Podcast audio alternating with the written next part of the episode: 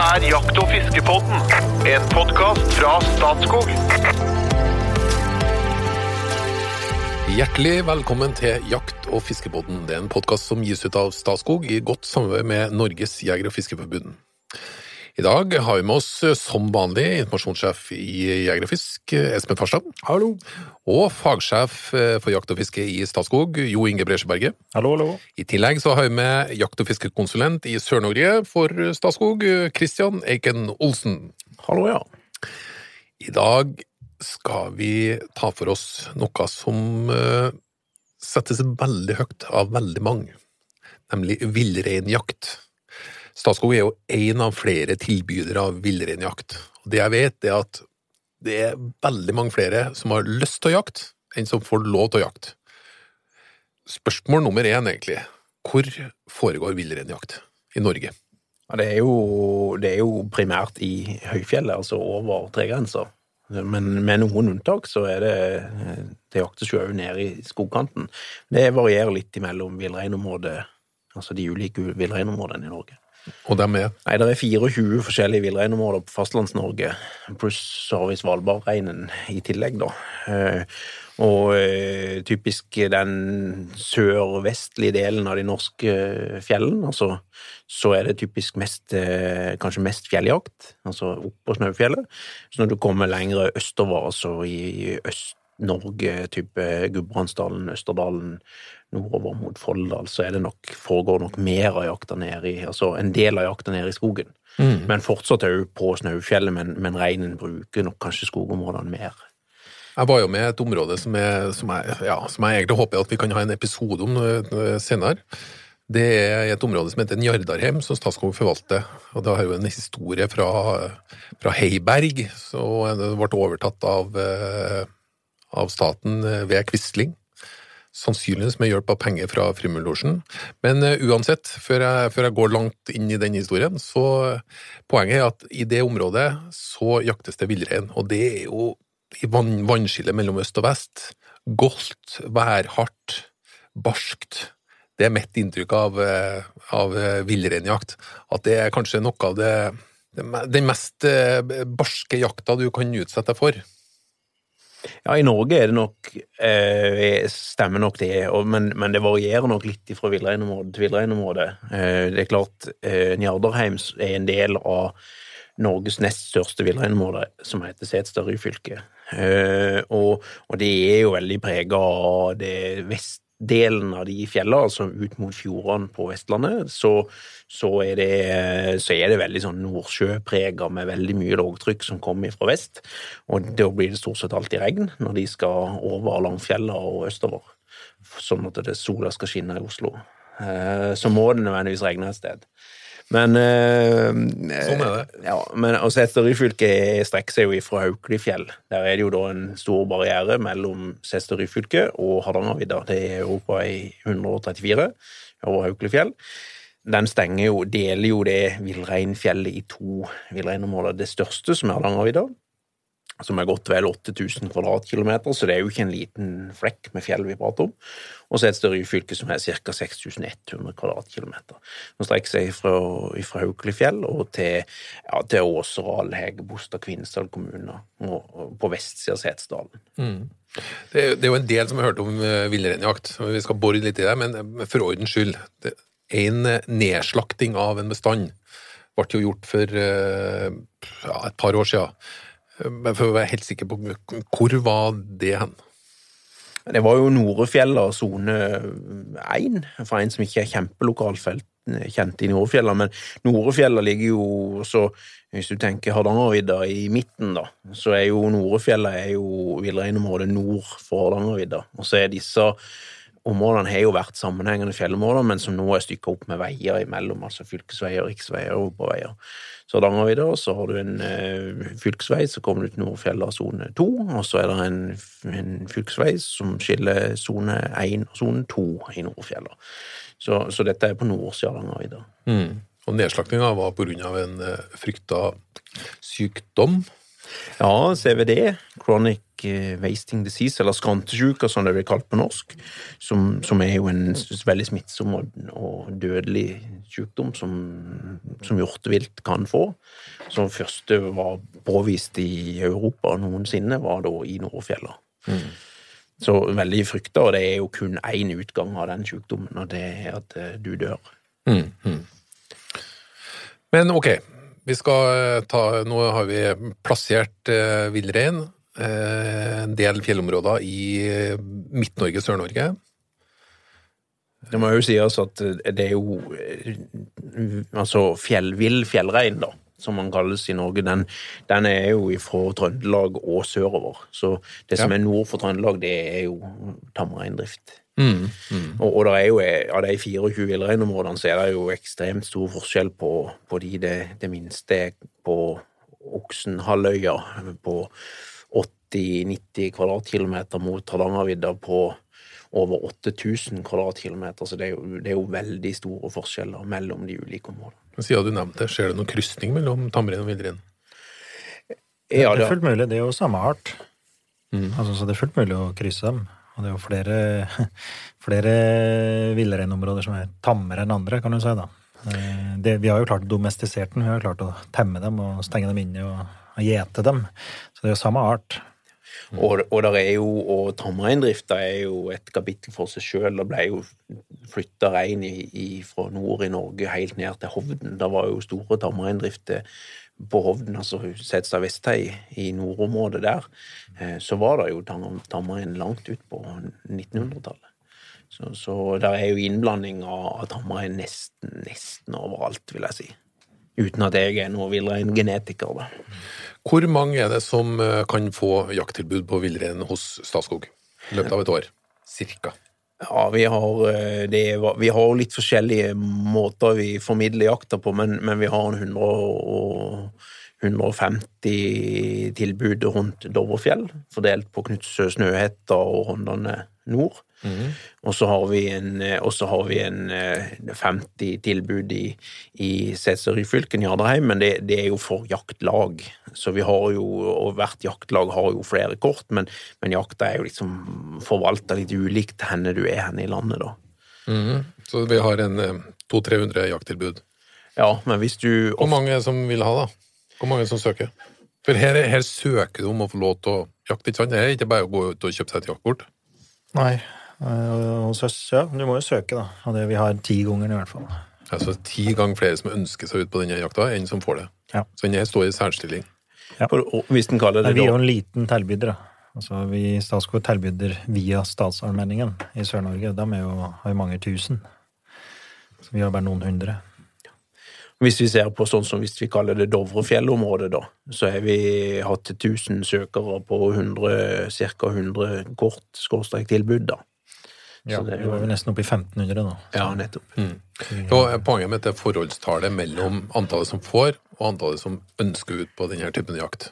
Men det er, eh, som jeg sier, da er jo den enkelte statssammenheng er da en stor tilbyder kontra eh, det vi samla har i Statskog. Så Men er etterspørselen litt lavere hos etterspørselen er fortsatt stor, men det er ikke like at det er ti ganger så mange som, okay. som søker det, da. Det er det ikke. nei, så den er på en måte overdreven attraktiv hos Statskog. Det kan jo skyldes at uh, altså, villreinjakt er jo attraktivt. Det finnes jo en god del private kort også. Ja. De selges ganske dyrt. i Enkelte områder, type Forlogna, er jo si, veld, veldig, veldig dyrt. Ja. ikke sant? Ja. Eh, og da blir jo eh, statsgrunn og statsallmenninger, som, eh, statsallmenninger som styres av prisrammer satt osv., attraktive for flere. For den brede tilgjengeligheten. Ja, så det, Eh, Det med lokal, ikke lokal, slår det inn der, det? Og, ja. Det gjør det. Så det lokale da har eh, fortrinn. Han eh, Kristian nevnte ja, deler av Hardangervidda, Folldal, ikke sant. Så, er det, så vil de lokale da ha eh, fortrinn til inntil 60 av kortet. da. Så resten er uten utenbygdsbånd. Hva er det som er så attraktivt med villreinjakt? Nei, det er jo Det har vi jo jeg holdt på å si lurt på, men, men hva det er som gjør det så, så såpass voldsomt, må en si. Det, det, om det har noe med den muligheten for å være ute i høyfjellet, det tror jeg nok appellerer til veldig mange. Den alenejakta tror jeg nok står veldig sterkt. Det å liksom ha sitt villreinkort, altså sin fellingstillatelse, eh, der du uten for mye styr, du kan ha pakka sekken din og, og reise til fjells i kortere eller lengre tid uten et nødvendigvis et helt jaktlag og en haug med, med rigg, som det for eksempel er typisk på elgjakta. Og så er det nok den, kan hende den, det er nok en av de mer, kall det ekstreme jaktformene vi har i Norge, og, og det kan godt hende det appellerer mer i tiden. Ja, individuell jakt, og at eh, som sier at det, det er mann mot natur, eller dame mot natur. Vi så det type når Birken ble fulltegnet på noen eh, minutter. Så så vi at økninga til våre hvilereinkort den økte i samme, samme, tidsrommet. Så det er noe med en individualisering, at folk eh, kanskje vil realisere seg og, og, og, prøve på det her, da. Tror jeg. Men, eh, men for meg eh, så er det type en opprinnelig jakt. Altså det er noe, det er noe som ligger Men det, det, det kjennes helt riktig ut. At det, er noe, det er jo tross alt grunnlaget, i all hovedsak grunnlaget for vår eksistens her, da når vi kom ferdig isen oppover. Så det var sel, og så var det fisk, og så var det rein. Mm. Og det er klart eh, Nei, jeg vet ikke, kanskje det er mulig vi er programmert i genene våre, men for meg føles det veldig opprinnelig når jeg er på reinsjakt. Jeg, jeg, tror, jeg tror dette er veldig riktig. Jeg tror det er mange som kjenner veldig attraksjon til det der at du går i den der veidemannskulturen. Mm. Du er litt overgjort, du, du gjør aleine, som du sier, Kristian. Du får et kort. Du er i høyfjellet. Alle liker å være i høyfjellet, ikke sant? Og, veldig fin tid på året. Ja, altså, det er mye himmel og lite jord, og noen reinsdyr, kanskje hvis du er heldig, og det er en vanskelig jakt. Og så er det godt kjøtt. Ikke glem det. Ja. Dette er god mat, ikke sant? Og det er liksom en, det er en, det er en øvelse og en prøvelse, dette er sånn. Så du, hvis du kommer ned med den der børen på 47 kilo på ryggen ikke sant? i en bakrammesekk, og du kommer deg ned til bilen, og du er helt ferdig, ikke sant? så er du liksom fylt av gode opplevelser og sterke inntrykk. Så jeg tror Det er ikke, det er ikke vanskelig å skjønne hvorfor villreinjakt er attraktivt. Nei, altså appellere, jeg synes Det er jo ikke mye som appellerer så mye som å se en flokk med rein, en gjeng med rein, i sitt rette element. Det, det gjør jo noe med, med hele liksom, sanseinntrykket. Disse var her først, og de ser akkurat like ut i dag som de gjorde da, som mer eller mindre. Og, og disse har faktisk klart seg her oppe i disse golde områdene eh, i 10 000 år. Da. Og det er ganske tøft i seg sjøl. Ta oss eh, sakte og forsiktig inn i hvordan, hvordan foregår jakta.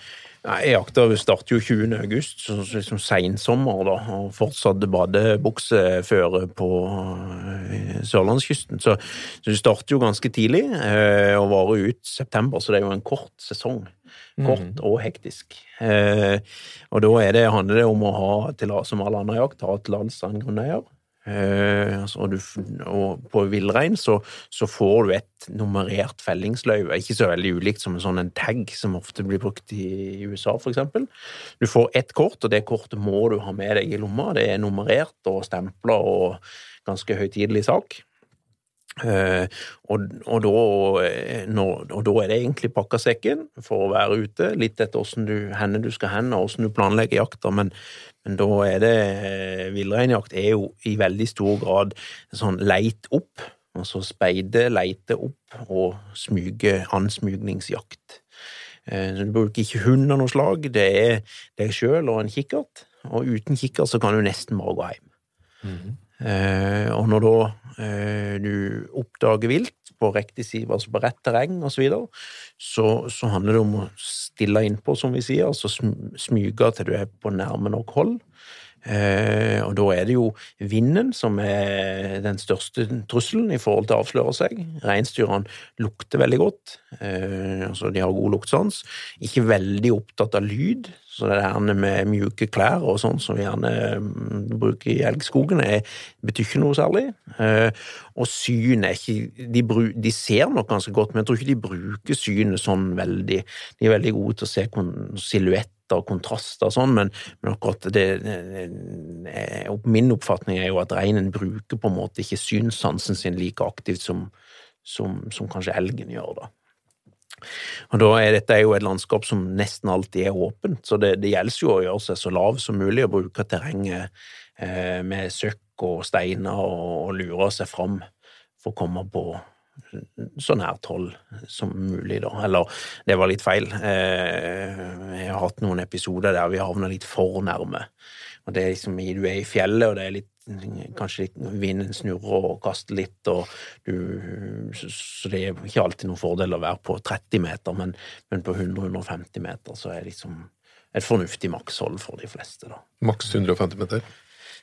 Ja, det kommer jo alle har jo individuelle ferdigheter, men, men 150 meter er som regel et fornuftig makshold, det meste tatt i betraktning, da. Jeg kjenner jo som ikke er noen veldig stor rifleskytter, jeg er jo mer av en haglejeger. Jeg vil nok kanskje ikke kunne strekt mitt makshold til 150, men gått litt lenger ned. Så det er jo litt individuelt, det der. Altså. Individuelt, og så- er det veldig vanskelig å bedømme avstand i åpent fjellandskap. Det, da er jeg tilbake til det med avstandsmåler. Fryktelig vanskelig å bedømme hvis du, hvis du ikke har gjort det mye, da. Men eh, fordelen her er at vi i all hovedsak ligger når vi skuter. Det er ofte bra, greit anlegg, og liggende skuting er jo enklere enn stående, knestående skuting. Hvilken ammunisjon har vi i rifla? Nei, den, det er jo Villreinen jeg oppfatter som, som et ganske lettskutt dyr på mange vis, men, men det er jo eh, en reinskalv veier normalt eh, som et litt stort voksent rådyr. Og en bukk kan jo veie opp mot 90 kilo, så, så en vanlig storviltpatron 6,5 og trinn 8-306 er jo mest brukt og helt ålreit med, med ei normal jaktkule. Det er, jo, det er jo som sagt et ganske lettbygd dyr, da. Så, så det stiller jo ikke just samme krav til kuler sånn som, som på elgjakt. Men det å skadeskyte noe oppi fjellheimen på et uh, skydyr som er vanskelig å komme inn på, det må jo være ekstremt krevende. da. Ja, men, ja, det er det. Eh, Og særlig i store flokker så kan det være det. Eh, Fordelen i fjellet er jo gjerne at du har litt bedre oversikt. Eh, Du kan, og du skyter jo ofte fra høy, et høydedrag eller en, en, en høyde i terrenget, så, som der du ofte har litt oversikt. Så, så det er jo, du, du klarer å, å se det dyret eller følge med på den flokken litt lenger enn du gjør i tett skog, da. Får du, har, altså, Hvilke dyr kan du skjøte? Nei, det varierer litt fra villreinområde til villreinområde, men, men det, det vanlige er at de ulike fellingskortene, eller villreinkortene, er delt i kalv og simle og valgfritt dyr, som det heter. De valgfrie dyrene er jo de som blir betegnet som såkalte bukkekort. Og så er det noen forskjellige variasjoner innenfor temaet med små og store bukker, eller ja, kløftbukk er det noen som har, altså det vil si bukk med eh, to tagger i toppen. Noen har simle, skråstrek, ungdyrkort. og- Så det varierer litt, men primært tre typer kalv, simle Og forvaltninga her skjer av eh, altså, Hvem er det som bestemmer uttaket? Nei, det er, det er to sånne store eh, forvaltningsinstanser innenfor villreinområdet. De fleste villreinområdene er sammensatt av flere kommuner, så de ligger i flere kommuner. Så, så kommunen har i seg selv ikke samme rollen som i annen storviltforvaltning. Der er det, det er villreinnemnd som er oppnevnt av en representant fra hver kommune. eh, Statlig nemnd. Eh, De, de godkjenner og, altså bestandsplaner og sånn og, og driver med arealforvaltning og den slags, mens det er de ulike villreinutvalgene eller villreinlag, har litt ulike navn, men, men det er grunneierorganisasjonen, det er villreinutvalget, og det er de som utarbeider forslag til bestandsplan og årlige avskytningsplaner. Så blir den godkjent av nemnda, litt likt som, som et eh, bestandsplanområde og en kommune når vi snakker om elg. Du smyger deg inn, da, gjerne fra et høydedrag, ser ned på en flokk på en eller annen plass fra 150 meter og nedover, har tenkt å skjøte. Så må du prøve å huske på hvilket dyr det var du skulle skjøte, og så skal du se hvilket dyr det er du sikter på. Er det lett å se forskjell på dem? Ja, det, det er jo som med alt annet, det er jo alltid noen lure kategorier, da. Eh, kalv er ganske grei å se, det er betydelig mye mindre dyr. Eh, Store bukker er ofte greit å se. Ja, store bukker er ganske greit å se. Et tips i forhold til kalv, det er hvis du ser på basten på et kalvegevir, så er den nesten sånn brunsvart på fargen. I tillegg til at den er liten, så har den veldig sånn brunsvart bast, mens halvannenåring eksempel vil ha grå bast, akkurat som bukk og simle. Eh, og de store bukkene, som Inge sier, og så har du dette her gråsona mellom simle og små bukker. Eh, altså halvannet års bukker, to og et halvt års bukker, og ei simle, det kan være litt kjelkete. Ja, for her er det faktisk slik at simlene også har gevir. Det er jo det eneste hjortedyret enda hvor, hvor hunden også har gevir. ikke sant? Så dette er jo Ja. Kan kjelkete litt. Det er, det er de som har skutt i gærlig. Ja, og det, Det er, ja, det er vel like vanlig feilskyting på villrein som, som eh, ku og halvannenårsku på elg, tenker jeg vi kan si. Ja. Uh, og, den, eh, og der er det egentlig, hvis ikke du kan se kjønnsorgan, så er det, så er det fasongen på geviret som, som, eh, som du kan se det på. Det, og det er et, et lite bukkegevir, eller alle bukkegevir har normalt sett en, en sånn sigdefasong, altså en jevn bue fra rosenkransen, der geviret kommer opp på huet. Eh, Så har den en jevn bue, en sigd, mens ei simla den har en sånn en mer markant knekk i gevirstanga, at den går på skrå bakover, og så gjør han en vinkel, og så på skrå framover. Og så er nesten alle simlegevir ganske Mer puslete òg, som ja, jo, også, også mer rotete. Et bukkegevir er ofte veldig symmetrisk. Men uansett eh, hva som står på kortet, så kan du skjøte en kalv, eller? Ja. Ja. Kalv er alltid greit. Kalv, ja. Kalv er alltid Det greit. står. Jeg måtte bare sjekke om mantraet også gjaldt det her. Ja, absolutt. Ok, da eh, smeller du til med, med et skudd, og dyret detter, og du er stygglangt inne i fjellet. Hva gjør du nå?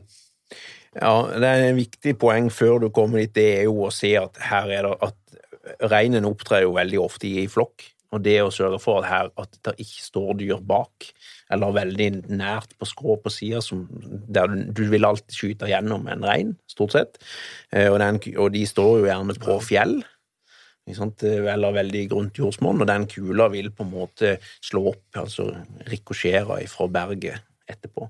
Så den vil gå rett gjennom reinen, altså? Ja, Hvorfor, jeg må spørre, hvorfor det? Hvorfor er soppen i seg såpass at det det er ganske lite motstand innen reinsdyrskrekk. ja. Så som du sier, den er lettskutt. Vi skutter i all hovedsak gjennom dem med vanlig storviltkalibre. Og, og ikke da minst at du ser etter om det er jegere bak her, ikke bare rein. Men det kan jo være mange, eller flere jegere som stiller inn på samme flokk. Og det, potensielt så kan det være jegere bak der òg. ja. Føy til også at eh, med litt fokus på bly i viltkjøtt, som noe negativt, som du egentlig ikke ønsker, da, eh, så, så er det jo flere og flere som velger enten alternativ ammunisjon, altså i form av kobberkuler f.eks., eller man bruker eh, bonded, som vi sier, altså litt mer sånn homogene kuler, altså lodda kuler, som ikke, som ikke fragmenterer på samme måten. ikke, ikke? Eh, Disse vil jo, eh, begge disse typene vil jo lettere gå tvers igjennom. Så, Ja. så den problematikken er kanskje større i dag enn han var. Ja, og så syns jeg det er litt eh, Uansett hvor forsiktig du er, så syns jeg det er mer ubehagelig med kobberkule i villreinfjellet enn i skogen. Der du nesten I villreinfjellet så vil veldig ofte den kula rikosjere. Og ei kobberkule går mye mindre i, kall det i sund, da. Eh, og det er klart, den rikosjetten Hardere Ja. Og den rikosjetten vil være farligere lengre. Eh, Så, så akkurat i terrengsjakt så, jeg, så liker ikke jeg kobberkule i det hele tatt. Så, ja, så sikker bakgrunn, eh, inkludert det at det ikke må være dyr bak. Og det er jo, som du ser, relativt krevende i en flokk. Og jeg antar at det er hovedsakelig stillestående, eller i hvert fall saktegående dyr vi, vi kan brenne av på. Ja, og det er klart at en flokk som er helt uforstyrra, og som beiter eller rolig eller, eller ligger i dagleie der, har, der det er, flokken er spredd over et litt større område, er jo lettere å komme til en grei skuddsjanse på enn en, en flokk som er enten på litt sånn beitesig, eller, eller er på en måte litt urolig. De, når de blir forstyrra eller urolig, så, så står de mye tettere. Det er mye vanskeligere å plukke ut et, et dyr da, som står fritt så lenge du kan komme deg inn på den flokken uten at den aner noen ting, jo bedre og optimal, mer optimal skuddsjanse får du. Eh, hvis den har på en måte sett, hvis du smyger og, den, og du har vært litt høyt oppe med huet eller vifta litt for mye med riflepipa idet du skal forsøke å finne anlegg, sånn at dyrene litt, begynner å bli litt skeptiske og er nummeret før de stikker, ofte mye vanskeligere å få til en grei situasjon. Hvor lang tid, Berbe, hvor lang tid tar det på 150 meter? Hvor lang eh, tid tar kula før treff? Ja, Den går jo 800 meter i sekundet omtrent. cirka, da. Går da. En tredjedels sekund eller Ja. Så det rører ikke sånn eh, Ja, ja. Den skal helst ikke skvette akkurat da. Nei, men ofte så det er på en måte ikke Hvis du har kommet så langt, så går det stort sett bra. Det er et lite element til når du snakker om dette med sikkerhet og det at dyra står riktig og er rolige og sånn, og det er jo egentlig andre jegere i terrenget. Det er jo en, noe vi ofte hører om. altså Det kan være flere jegere som stiller inn på en villreinflokk, kanskje uten at man vet om det, til og med. Ikke sant? Det er det verste. Ja. Det er jegere som ligger nede. Ja. Det er jo en på eh, og skjøt de på, på rein, og så lå det jegere bak som ikke visste om, som lå i terrenget. Bruker man signalfarger her eh, når man jakter, eller? Som med all annen jakt, at flere og flere ser jo på en måte verdien av å bruke eh, synlige skyggelue eller andre plagg, da. Det var ikke vanlig da jeg prøvde det, i hvert fall. Nei, og jeg har jo blitt skutt mot eh, i sittende i en fjellduk og speider i et sånt et reinsdyrtrekk, og det er jo eh, Første smellen var jo skummel nok, og så kom nummer to. Eh, Og da syntes jeg begynte jeg å ta det litt personlig, da. Eh, Men det gikk jo Da begynte du å lure på om det var en tilfeldighet? Ja, jeg hadde smelt en gang til, så hadde jeg lurt på å skyte tilbake. Det var da du hørte dem skrek 'ta kalven også'! Og det greia er når du hører smellen, det er jo én ting. Men dagen du ikke hører smellen, da, da er du ferdig. Nei, men Kristian, dyra har gått i bakken, det. Og vi trasker bort. Ja, du vil ikke skyte flere, altså? Nei.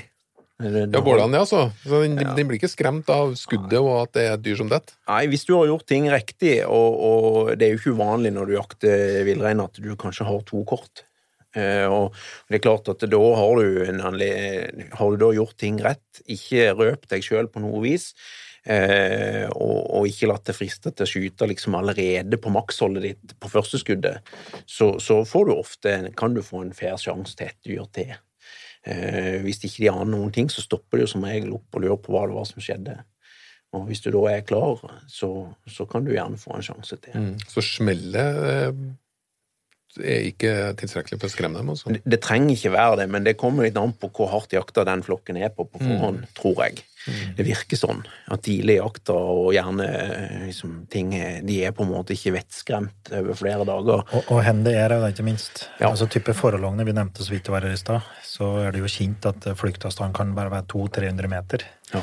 Mens når jeg jakter rein i Snøhetta, som er kjent for en av de villeste rein vi har, da, så, så stander det ikke med 200-300 meter. Så typisk når du har skutt, så reiser de jo i all hovedsak og blir borte. Men enda verre, ok, det ligger to dyr der, da. Langt inne i fjellet. Kristian Eken Osen er alene. ja, nå er det bare å gratulere med en, en jobb. Ja. Ja, nå er det, og villreinjakt, det det er jo nesten alltid syn- synonymt med bæring. Det som blir felt, må bæres ut. Eh, Det er litt ulike løsninger i de ulike villreinområdene, men og noen, liksom Hardangervidda, er det mer bruk av fjellfly, så du bærer gjerne til et vann, og så blir du, som det er lov å fly ifra, du blir plukket opp med fly. Noen har mye vannregulert vannmagasin der du kan kjøre båt et stykke inn i fjellet, og andre har noen bilveier. Så, så, men er du riktig uheldig, så, så må du jo bære skikkelig langt, da. Eh, og da er det eh, små dyr, de mm, prøver jeg å beholde pelsen på. Så de blir jo vomma ut på vanlig vis, tatt ut uh, innmat, vom og tarmer, eh, hjerte, lunger, altså røde organer, blir tatt ut, endetarm, og så, hvis temperaturen er ok, ikke altfor varmt, så prøver jeg å beholde skinnet på å slakte, hvis det er små dyr. Og bærer de ut med skinnet på, da, bevar, da, da har, beholder du rensligheten. Du, du har et rent og pent slakt under der. Det Hvis det ikke er for varmt, var det av hensyn til deg, eller av hensyn til dyret? Nei, i forhold til dyret, og at det ikke, det skal, ikke kjøttet skal være for lang, varmt for lenge. Og Da får du gjerne noe vi kaller for brent kjøtt. Altså, det, Eller skal det surne, det blir skjemt. Mm. Det kjøles ikke ned fort. Men, men bare én ting, Kristian, før du kommer videre. For at, um, det første du gjør, er vel faktisk også å klippe i dette villreinkortet.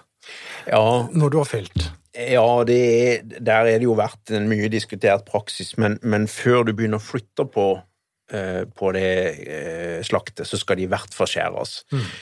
så, men etter du er skutt, det er jo, jeg har som en normalt god regel og, og at det kortet blir kallet skjært før eh, jeg begynner å vomme. Ja. Men i hvert fall senest før du begynner å flytte det. Mm. Ja. Det er helt riktig. Og da klipper du eller skjærer ut av kortet for hvilke type dyr, altså kjønn og alder, og hvilken dato det er felt. Da kan du sette, når det er gjort, så kan du sette slakt i transport. Nå, Etter du har vomma ut en kalv eller en simle eller en bukk, hvor, hvor tung er den?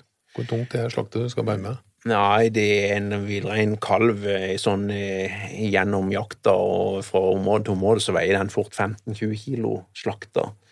Eh, Ei simle veier 30 pluss minus, og en bukk veier fra en halvannenåring veier ofte fra 25 og til 32 eller 35, og en voksen bukk veier opp mot 90. Så, og da, hvis det er sånn at du vil slakte i felt, så, så må du flå den reinen på skinnet. eh, Og dele den i grovpartere gjerne da for å få den med i en, i en romslig ryggsekk. Og er det klart er det noe som er større enn ei simle, så må du gjerne gå flere turer. Altså hvis slakt veier mer enn 30 kilo, så må du ofte gå to eller flere turer.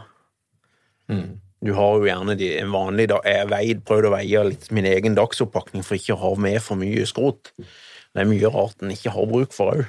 og, og noe særlig mer enn 10-12 kilo bør en jo ikke ha, inklusive rifla si, da. Og hvis du har 30 kilo slakt og 12 kilo oppakning, så er du på 42 allerede. Og håndteringa av dette her, det er på linje med en ja, altså elg, hjort, rådyr etterpå. Anatomien er jo lik. Men, Ja. det, men det er en fordel selvfølgelig å ha størst mulig stykker og ha det så helt som mulig. Da. For oppdelinga etterpå så vil det alltid være en fordel. Og òg kline minst mulig blod, for eksempel, på det. Eh, Få et tørkehinne før du begynner å bære på det. Altså, det er en del ting som du kan gjøre for at det skal bli bedre. og da- skal du frakte ut et stort dyr, så må du jo, må du jo begynne å skjære det i stykker, da. Og det er jo himmelvid forskjell på, på slakta i felt, eh, om det er eh, sol og litt sval, fin vind, sammenligna sammenlignet med sludd og stiv kuling. Så det gjør jo noe med både komforten og eh, sluttresultatet, da. Så, så det å ha Det er krevende, og det, det ser vi. Vi har noen opplæringsjakter på villrein i Statskog, og, og det er jo der de fleste ramler helt av lasset. Det er jo det med kjøtthåndtering i felt, og det er litt vanskelig, altså. Å å- å få et pent resultat. Hva gjør du hvis du må legge igjen kjøtt til dagen etter? Nei, det er jo Det kommer veldig an på temperatur, altså. Eh, Jeg bruker jo fjellduken min mye. En jervenduk kan jo brukes til alt mulig. Eh, Og jeg prøver Jeg vil jo helst ikke legge ting i vann. Eh, Så jeg prøver å legge det i en fjellduk, og så, så da Den holder på temperaturen, både kaldt og varmt, eh, og, og han hindrer nedbør, og han hindrer ravn og ørn å gå på å slakte. Det verste er egentlig de varme dagene der det er mye flue, sjøl i høyfjellet, da.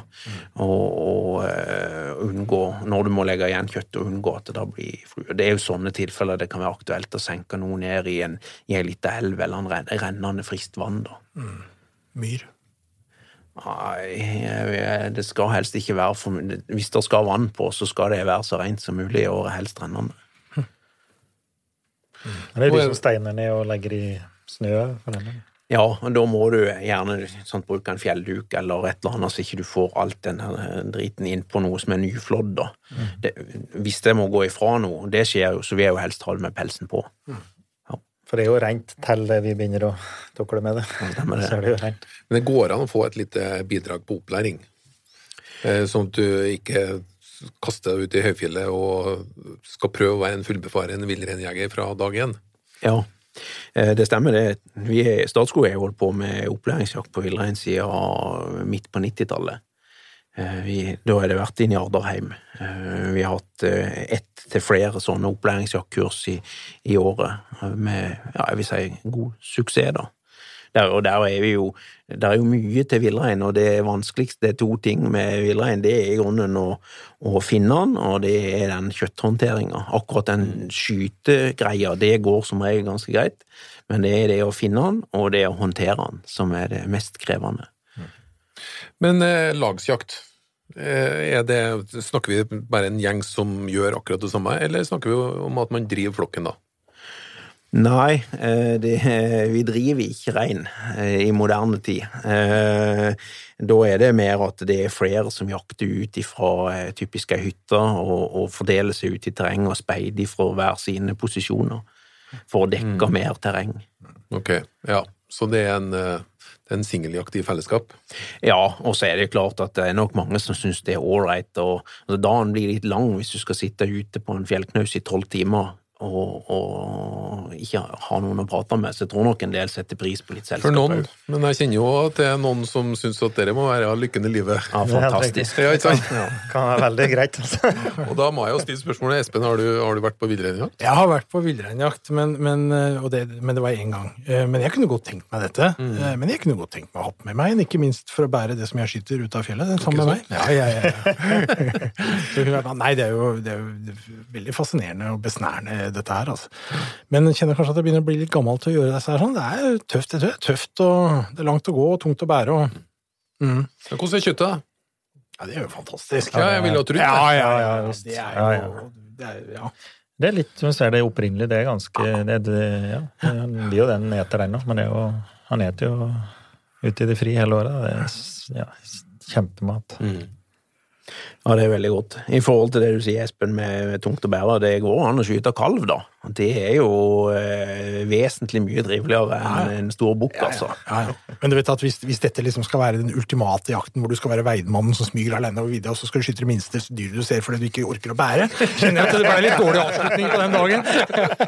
Duppa litt den storyen. Ja, ja, ja. Det var liksom Utgangspunktet var bra. Nei ja, det er riktig det, selvfølgelig. Ofte så er det jo mer vrient å plukke en kalv eh, enn å plukke en bukk. Eh, så, så det Jeg syns det er veldig stas med de store reinsdyrbukkene, og det er noe veldig fascinerende med det dyret i seg sjøl, å se de ute i fjellet. Men, men sånn jaktlig sett så det så vil jeg si det er mest mer krevende å klare å plukke en kalv i et mylder enn, enn, å, enn å skyte en voksen bukk. Kristian, dine beste råd til villreinjegerne? Ja, det er jo å bruke og støtte seg til lokal, lokal kunnskap. Spør noen hvor er det sett dyrene. Eh, Hvor er det sist observert dyr? Uh, og så har fulgt med på værmeldinga og tenkt hvordan har vinden blåst siden den tid. For dette er dyr som flytter seg mot vinden. Og det typiske er når det ble sett uh, dyr på lørdagen i uh, Huttiheita, så reiser alle til Huttiheita på søndagen. Og så har, det blåst, har de blitt jakta på i Hutiheita, og, de og det har blåst ifra vest. Og da er ikke dyrene i Hutiheita lenger, da er de lengre vest. Det er liksom å tenke sånn, å være litt i forkant av etterretninga. Eh, Foran, ikke bak flokken. ja, stemmer det. De, så det er egentlig noe av det, det viktigste, altså. Og så er det det å, å bruke vinden eh, riktig. Og så eh, ikke minst at eh, fjellet er ikke flatt, selv om det ser flatt ut. Så er ei lita søkka kan gjemme flere hundre dyr. Så, så det å Når du har sittet to timer og kikka på det samme, så kan det fortsatt være dyr i kikkertbildet ditt, bare det at du har ikke oppdaga det ennå. Fordi at alle ligger og tygger drøv. Og plutselig er det en som reiser seg, da. Jo Inge, følg opp. Ja, um, kanskje litt i motsetning til det Kristian sa, så ikke reise dit alle andre drar.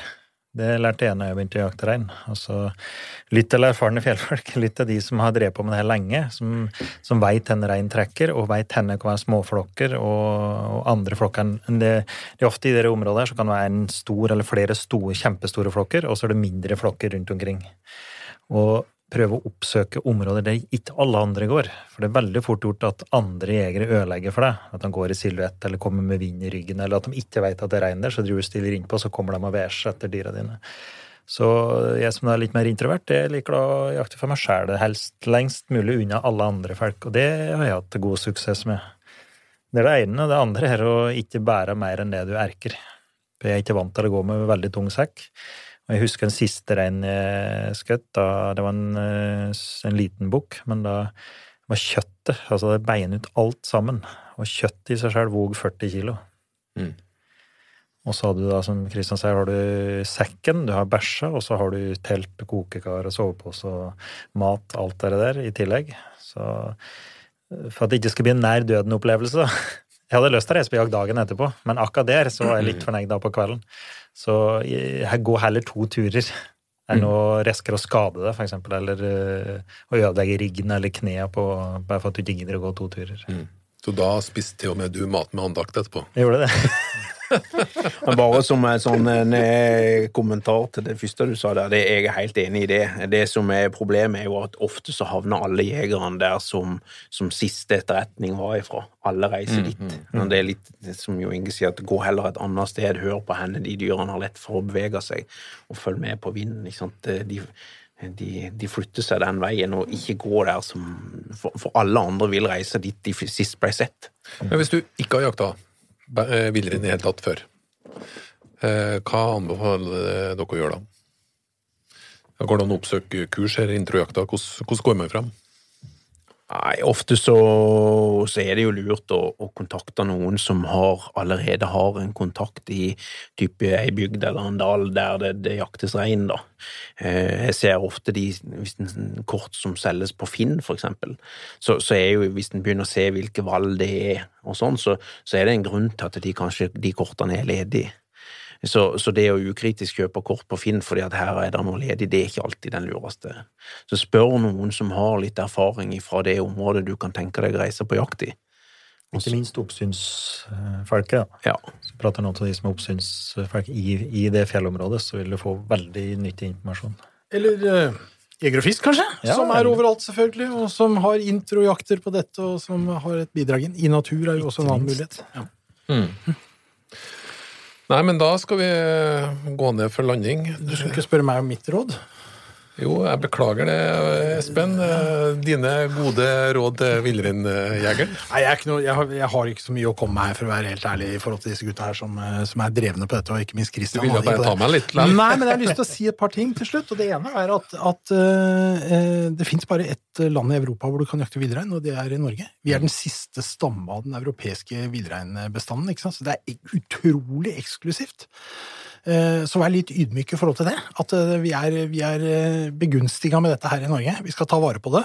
Ta vare på villreinen og leveområdene, og, og, og sette pris på den jakta vi driver med. Og husk at vi jakter på Norges mest demokratiske dyr. Spiser både høy og lav.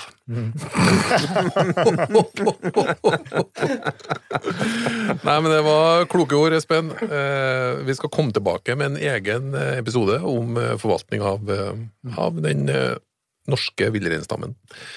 Hjertelig takk til Espen Farstad, takk til Jo Inge Bresjøberget, og takk til Christian Eiken Olsen.